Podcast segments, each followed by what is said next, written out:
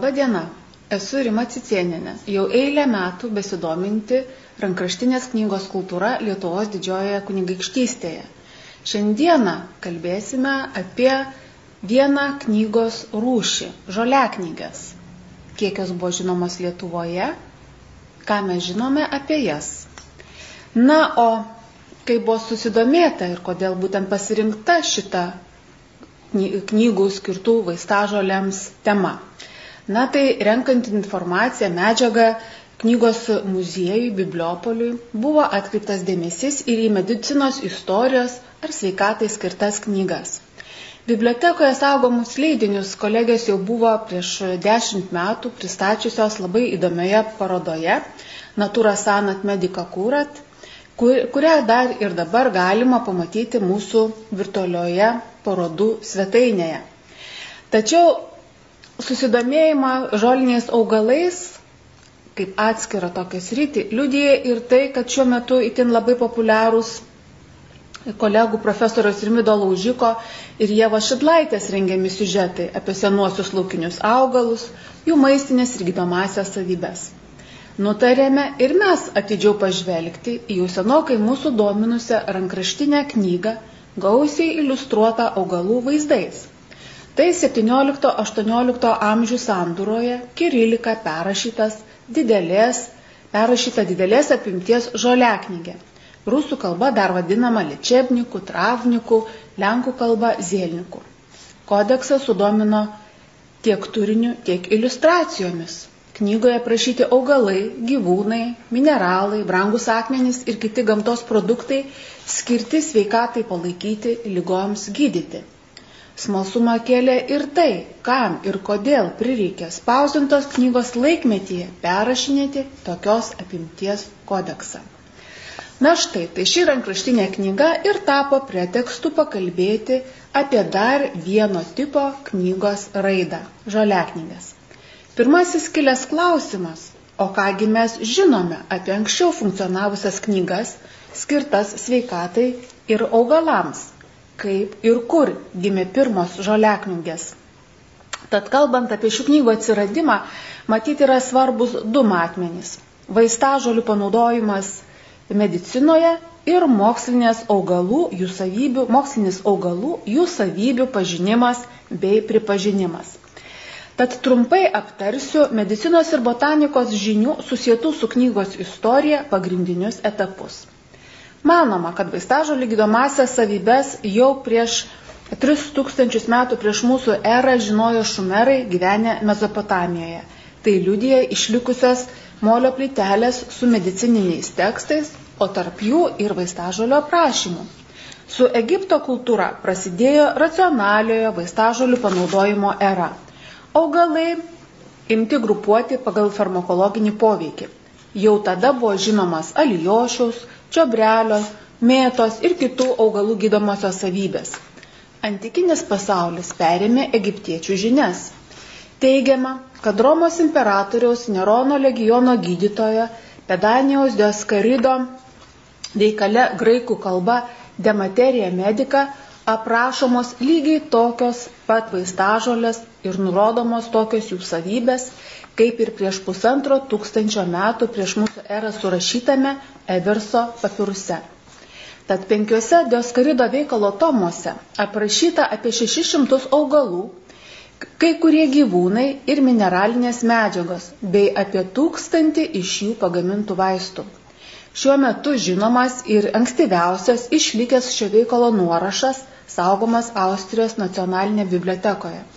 Tai šešto amžiaus kodeksas sukurtas Bizantijoje kaip dovana imperatoriaus dukrai Anicijai Julijanai. Rankraštyje išliko 383 viso lapo augalų iliustracijos. Dauguma jų nutapytos naturalistiniu stiliumi, kad farmakologas galėtų lengviau atpažinti kiekvieną augalą. Takar svarbu ir tai, kad kodeksas puoštas miniatiūromis, vaizduojančiomis to meto farmakologus. Pavyzdžiui, Ant kėdės vienintelis sėdi galenas, o iš abiejų pusių jį supa ant akmenų ar ant žemės sėdintis kiti šeši tuo metu garbus mokslo vyrai, tarp kurių ir Dioskaridas. Įdomu tai, kad Dioskarido veikalas Dematerija Medika nebuvo niekur dingęs, kaip kiti antikiniai tekstai, o funkcionavo beveik 2000 metų, tai yra visais istoriniais laikotarpiais. Šiuo vaistažolės aprašančių veikalų buvo vadovaujamasi iki Renesanso.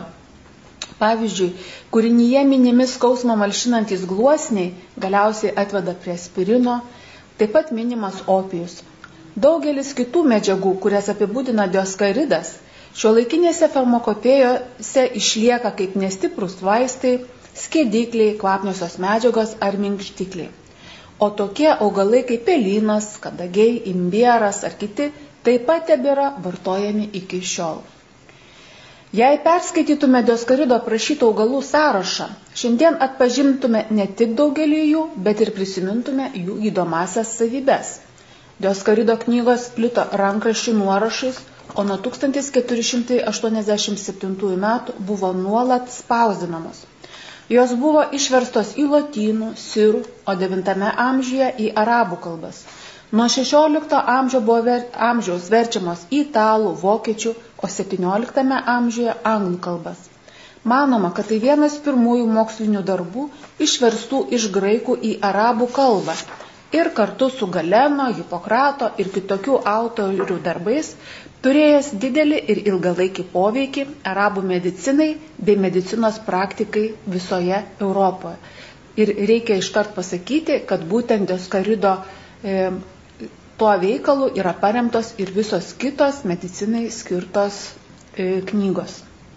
Taip pat medicinos ir botanikos mokslo istorijoje pėdsaka aprašant augalus ir jų naudingasias savybės paliko Hipokratas, daugeliu pažįstamas dėl mediko priesaikos.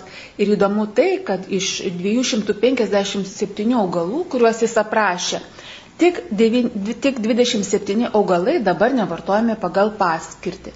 Taip pat mums yra svarbi ir jo sukurta humoralinės medicinos sistema. Svarbus yra Teofrastas, perėmęs Aristotelio mokymą ir parašęs porą veikalų De Historia Plantarum ir De Causas Plantarum, kuriuose aprašomi augalai, jų auginimas, kiti pastebėjimai. Jau minėtas Galenas, Romos gydytojas, išgarsinė savo vardą iki šių dienų būtent farmacijos rytyje, iki šiol tam tikros vaistų formos vadinamos galeniniais preparatais. Na ir e, be daugelio kitų e, minėtinų autorių, šiandien dar norėčiau paminėti e, abu Ali ibn Sina, žinoma Avicenos vardu, kuris parašė penkių dalių žinyną gydimo arba medicinos kanoną, kuriame svarbę vietą užima vaistiniai augalai bei jų panaudojimo panaudojimas medicinoje. Šis veikalas XII amžiuje buvo išverstas į lotynų kalbą ir iki naujausių laikų iš jo buvo mokamo Europos universitetuose.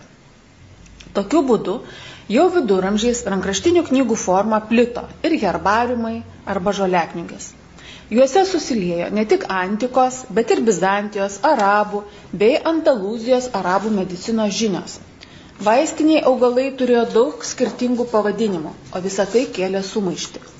Norėdami išvengti pavojus, kurį galėjo sukelti painiava tarp augalų, Vaistininkai ir gydytojai sudarė augalų pavadinimų žodynus ir užsakė albumus, kuriuose pavaizduoti augalai ir, ki, ir kita taip vadinama materija medika, kuriuos jie naudojo savo kasdienėje medicinos praktikoje.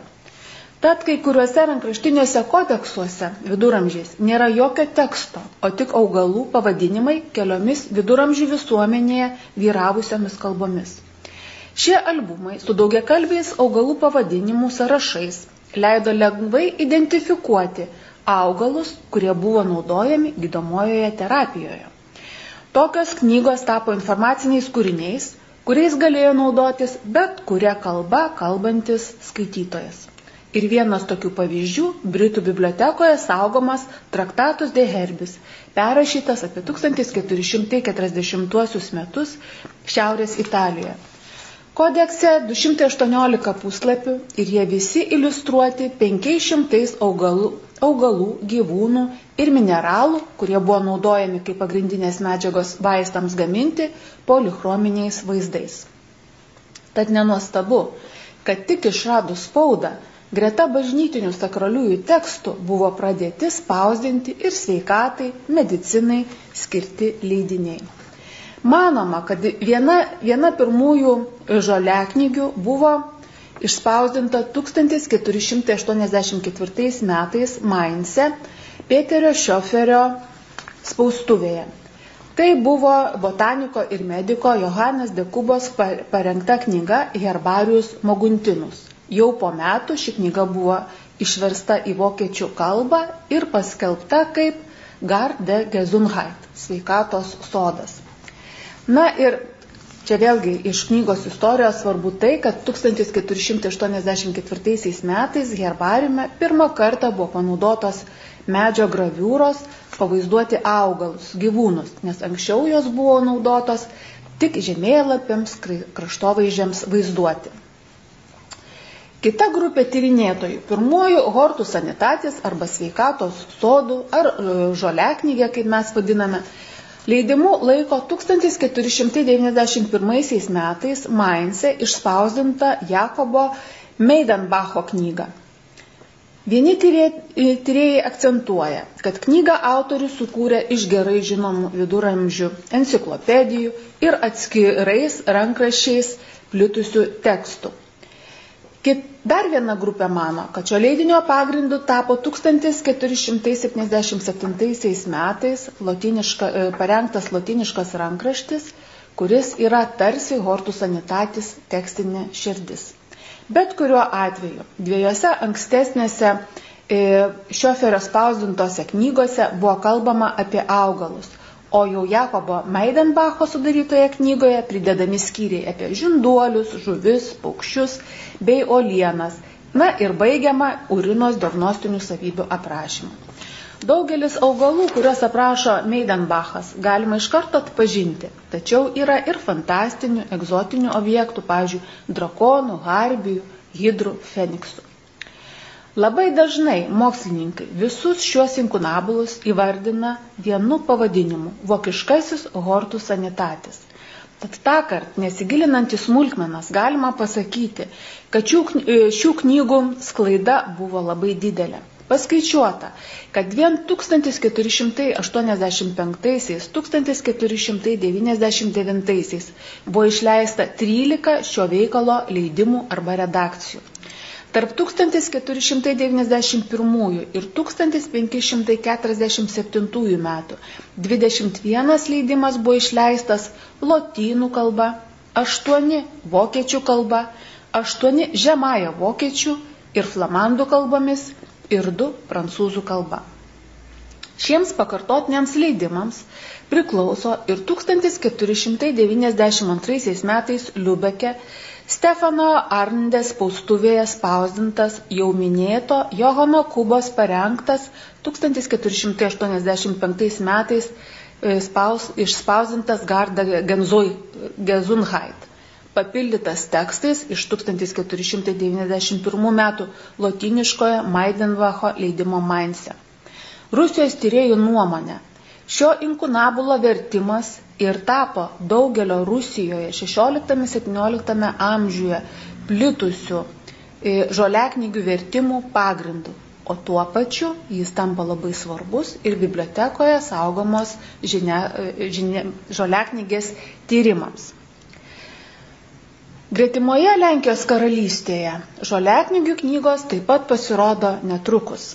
1534 metais Krokuvoje paskelbtas Stepano Falimižo kompiliacinio pobūdžio 870 puslapių žolynų žinynas apie žoles ir jų galę. 1542 metais Krokuvoje tarėjas Jeronimas Pičinskis, manomai Žygimanto Augusto gydytojas, išleido knygą apie čionykštės ir užžirinės žoles bei jų galę. Kai kurių tyriejų nuomonė, tai buvo tik nauja Stepono Falimižo veikalo versija. Bet kuriuo atveju jau ši knyga yra siejama su LDK. Karolio Eistrecherio Lenkų literatūros bibliografijoje e, minima, kad knygoje ar bent jau viename egzemplioriuje buvo autoriaus dedikacija trakų vaivadai Stanislovui Goštautui, Barboros Radvilaitės vyrui, o leidinys buvo papuoštas Goštautų giminės herbu. Deja, skaitmeninės e, egzemplioriaus kopijos duomenų bazėse tokio nepavyko aptikti, Tačiau, kad e, tokio egzemplioriaus su dedikacija ir herbų būta minima ir Rusijos istoriografijoje, nes 1582 metais ši knyga Serpuchove Rusijoje buvo taip pat išversta į rusų kalbą. 1562 metais e, pasirodė žolynas e, arba herbaržas, e, kurį parengė suolininkas Martinas Sienikas 1595 metais pasirodė itin didelės apimties Martino iš Uržendovo parengtas Herbar Špolski ir jis renktas pagal Doskarido, Galeno, Avicenos, Aristotelio, Platono, Alberto Didžiojo ir kitų senųjų gydytojų filosofų veikalus. Žodžiu, Lenkijoje šių knygų buvo taip pat parengta nemažai.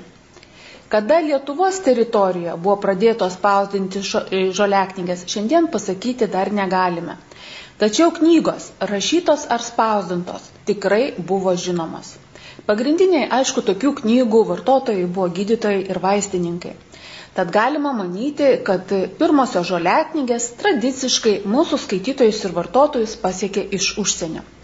Ankstyviausias fiksuotas tokios knygos paminėjimas - tai Alberto Goštauto bibliotekos knygų sąrašas, kuriame minimos vaistų knygos bei herbaras, kurios gali būti identifikuojamas kaip sveikatos sodai ar jau ir tas pats minėtas herbariusmo guntinus. Abraomo Kulviečio bibliotekos sąrašuose aptinkame paminėtus Dioskarido veikalus graikų ir latinų kalbomis, o taip pat Avicenos kūrinius.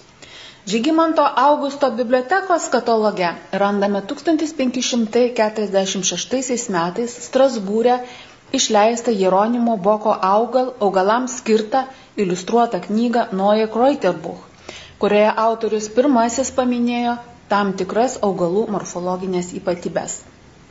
Na, o e, mano toks aptiktas pirmas leidinys sveikatai, bet galbūt tai ir nėra labai e, tikslu, Tai 1616 metais Liupčioje prie Naugarduko Petro Blastaus kmitos spaustuvėje gimė vaistinėms medžiagoms skirta knyga Likarstvo domovė Pospolitė chorobui į nedostatki.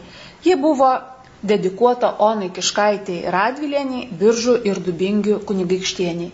Knyga matyt buvo reikalinga ir populiari, nes po šešerių metų išleista buvo dar kartą. Na ir žinome, kad Lietuva turėjo senas vaistažolių ir vaistinių augalų žaliavų rinkimo, perdirbimo, vartojimo tradicijas. Manoma, kad į, į pavasario šventes į mugės atvykdavo vaistažolių rinkėjai, kurie prekiaudavo žolėmis.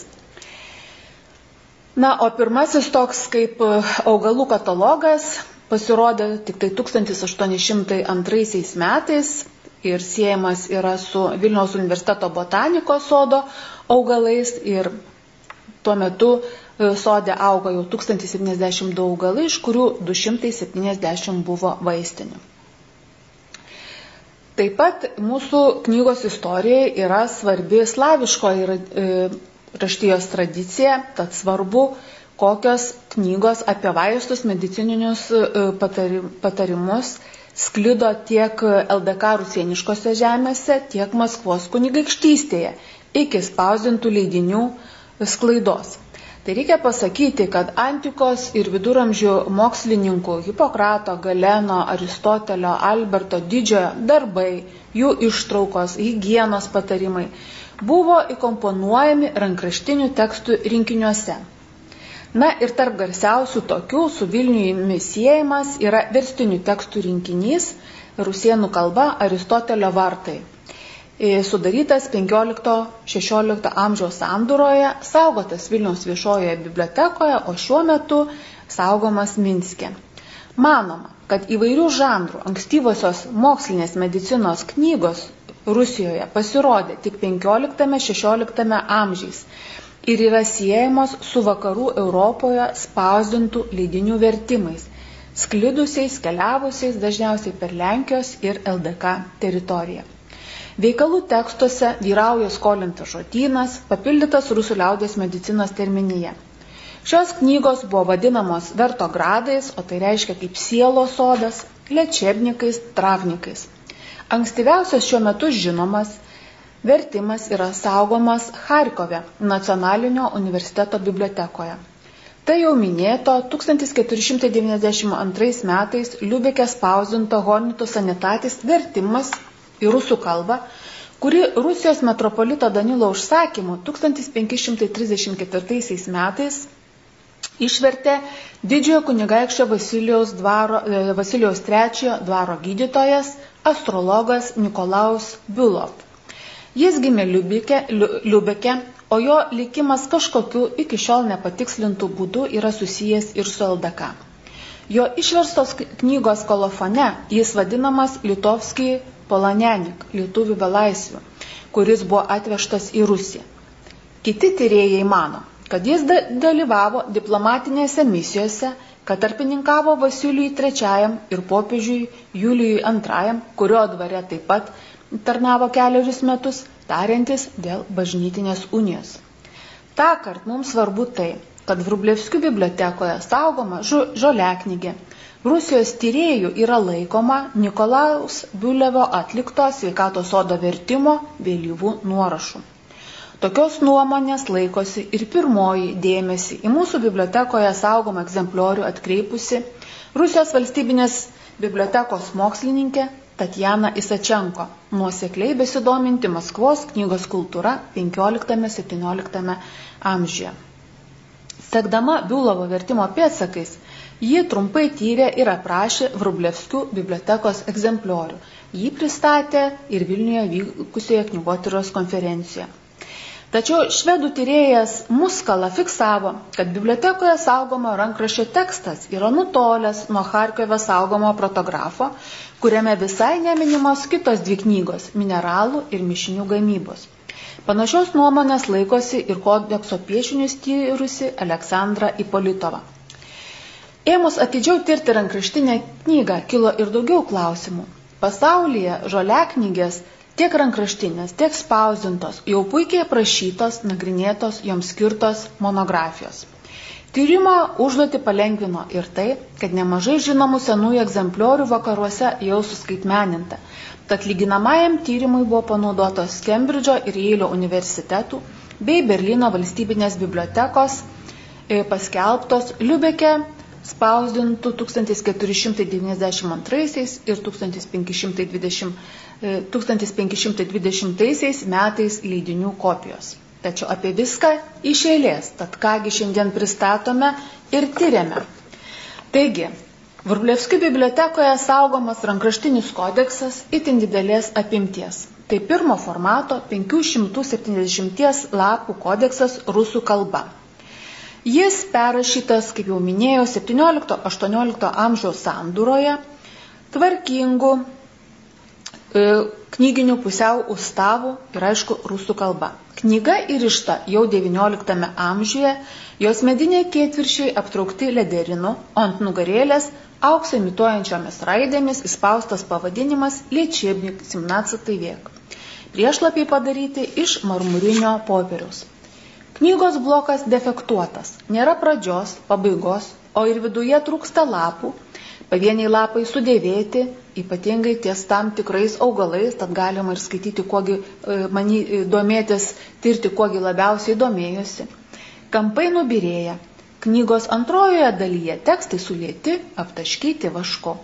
Tačiau prieš įrišant knyga restauruota, stengtasi kitų popieriumi, atstatyti lapų pakraščius, sutvirtinti juos, Įdomu ir tai, kad knygos lapai jau tuo metu vis dar skaičiuojami senovinių rankraštiniai knygai įprastų būdų lankais.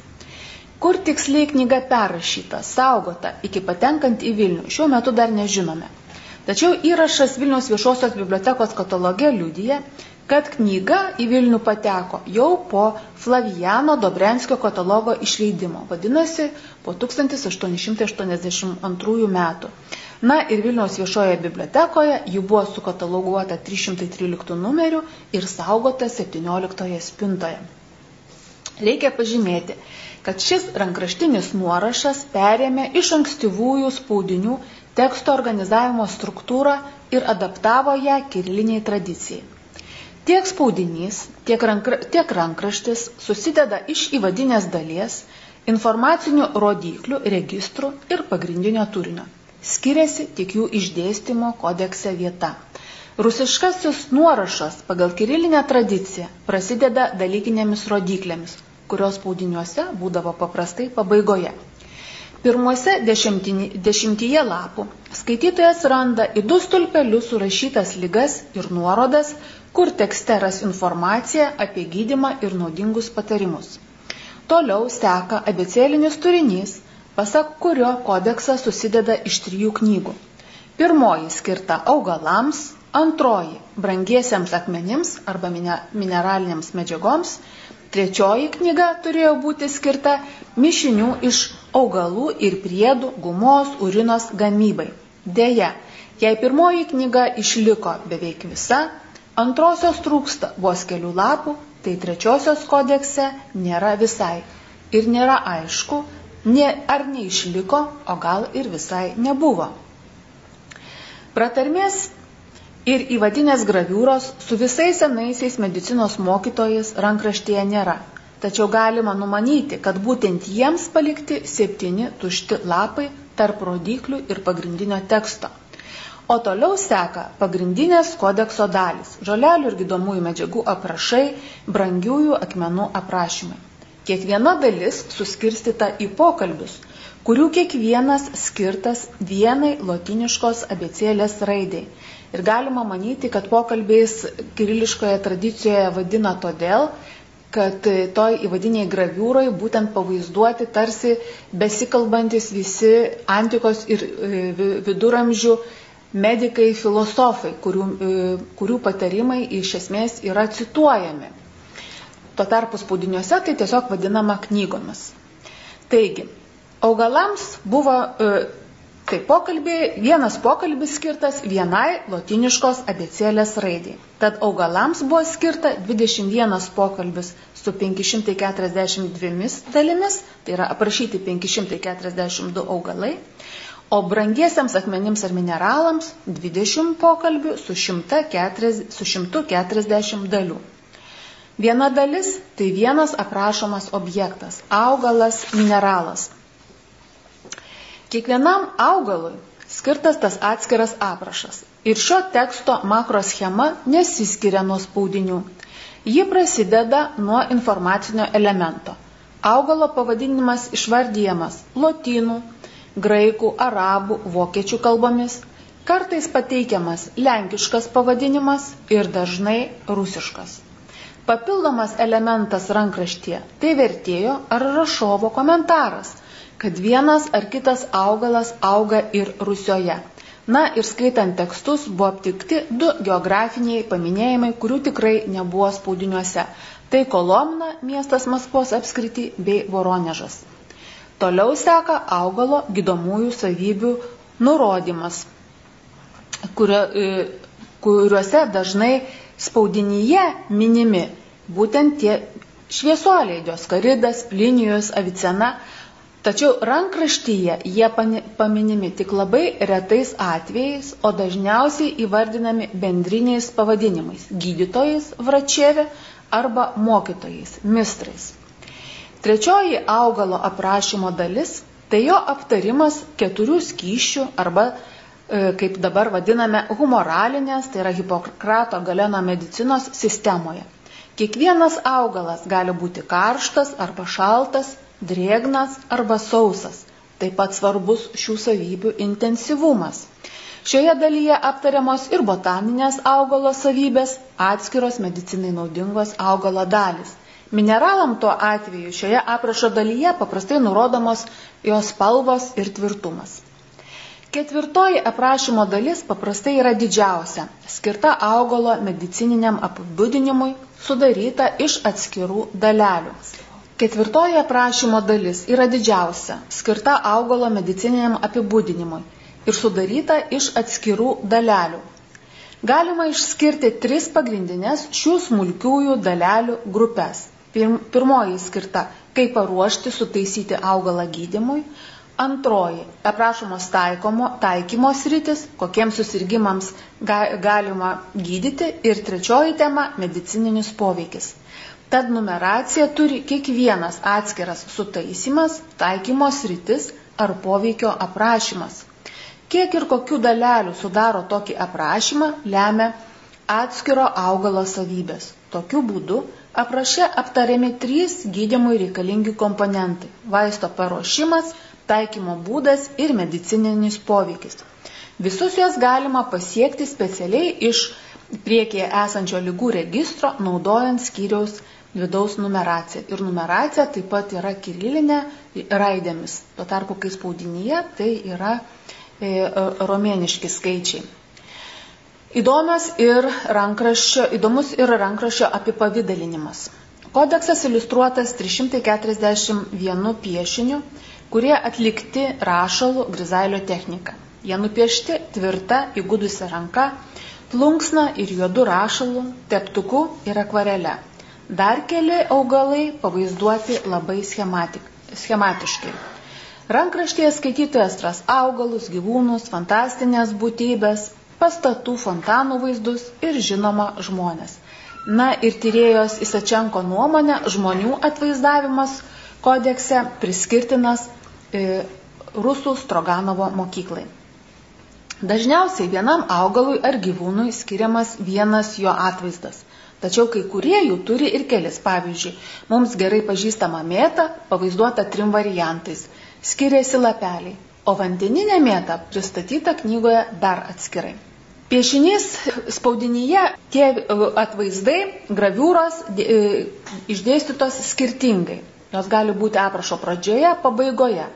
Tuo tarpu rankraštyje visi piešiniai įterpti aprašo pradžioje.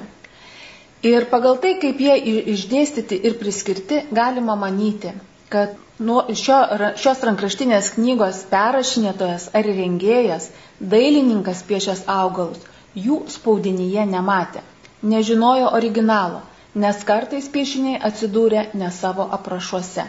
Na ir toks ryškiausias pavyzdys - tai javas, nupieštas visiškai prie gretimo aprašymo, jie gerai pamenu prie kopūsto.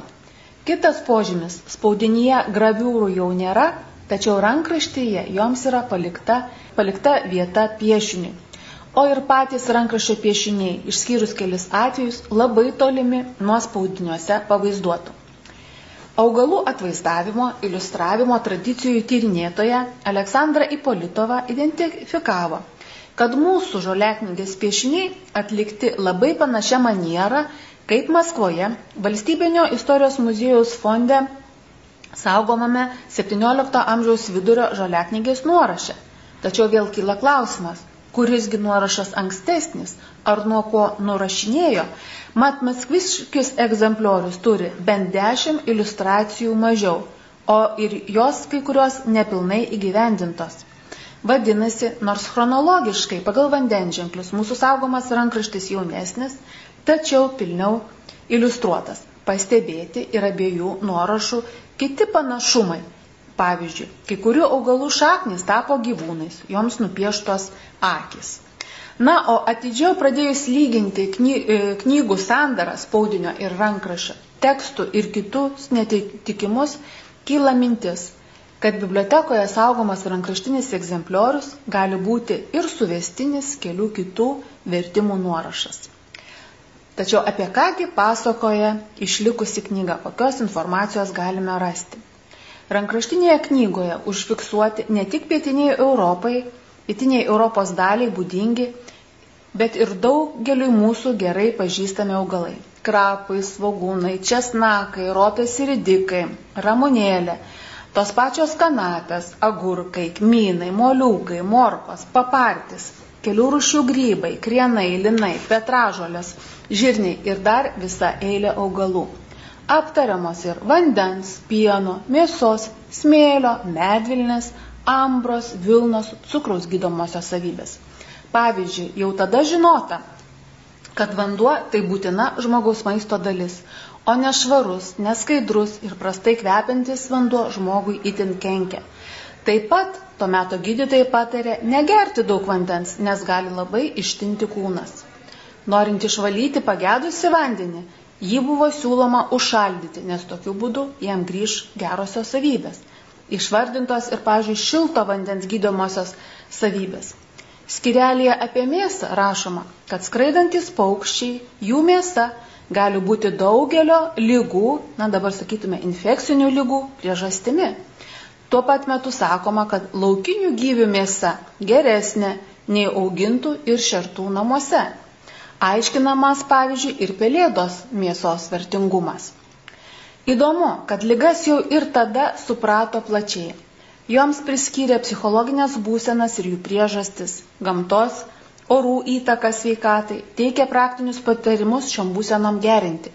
Tad knygoje to meto skaitytojai rado informacijos, kaip gydyti vidinius kūno skausmus, skausmus nuo drėgmės, opas, sulaužytus kaulus, skausmus nugaros ir juosmens srity, įvairių rūšių žaizdas ir nudegimus, jam ypatingai buvo skiriama daug dėmesio. Žoliaknygė teikia patarimus, kaip žmogų pralinksminti, aiškino, nuo ko jis juokiasi, kas jam sukelia košmarus, nurodomos priežastis, kodėl žmogus būna nekenčiamas ar mylimas, ką daryti, jei žmogus įkastų, ką daryti, kad žmonės negalėtų apgaudinėti, kad bitės negeltų, aiškino, kas muses nubaido, nuo ko musės ir blakės miršta ir net kaip rankomis balandį galima pagauti. Na ir keletas to meto patarimų Vienas jų buvo itin aktualus mūsų profesijos kolegoms. Pavyzdžiui, kad pelės ir kiti kenkėjai knygų negriauštų, pievoje reikia surinkti pelino žolę ir virti ją atste arba itališkame vyne.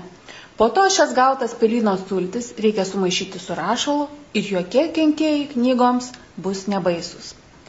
Na, jei svečiai pernelyg ilgai užsisėdi, verta padeginti kvapniosios ferulos, tai yra stipriai kvepiančios dervos gautos iš pankolio šaknies gabalėlius.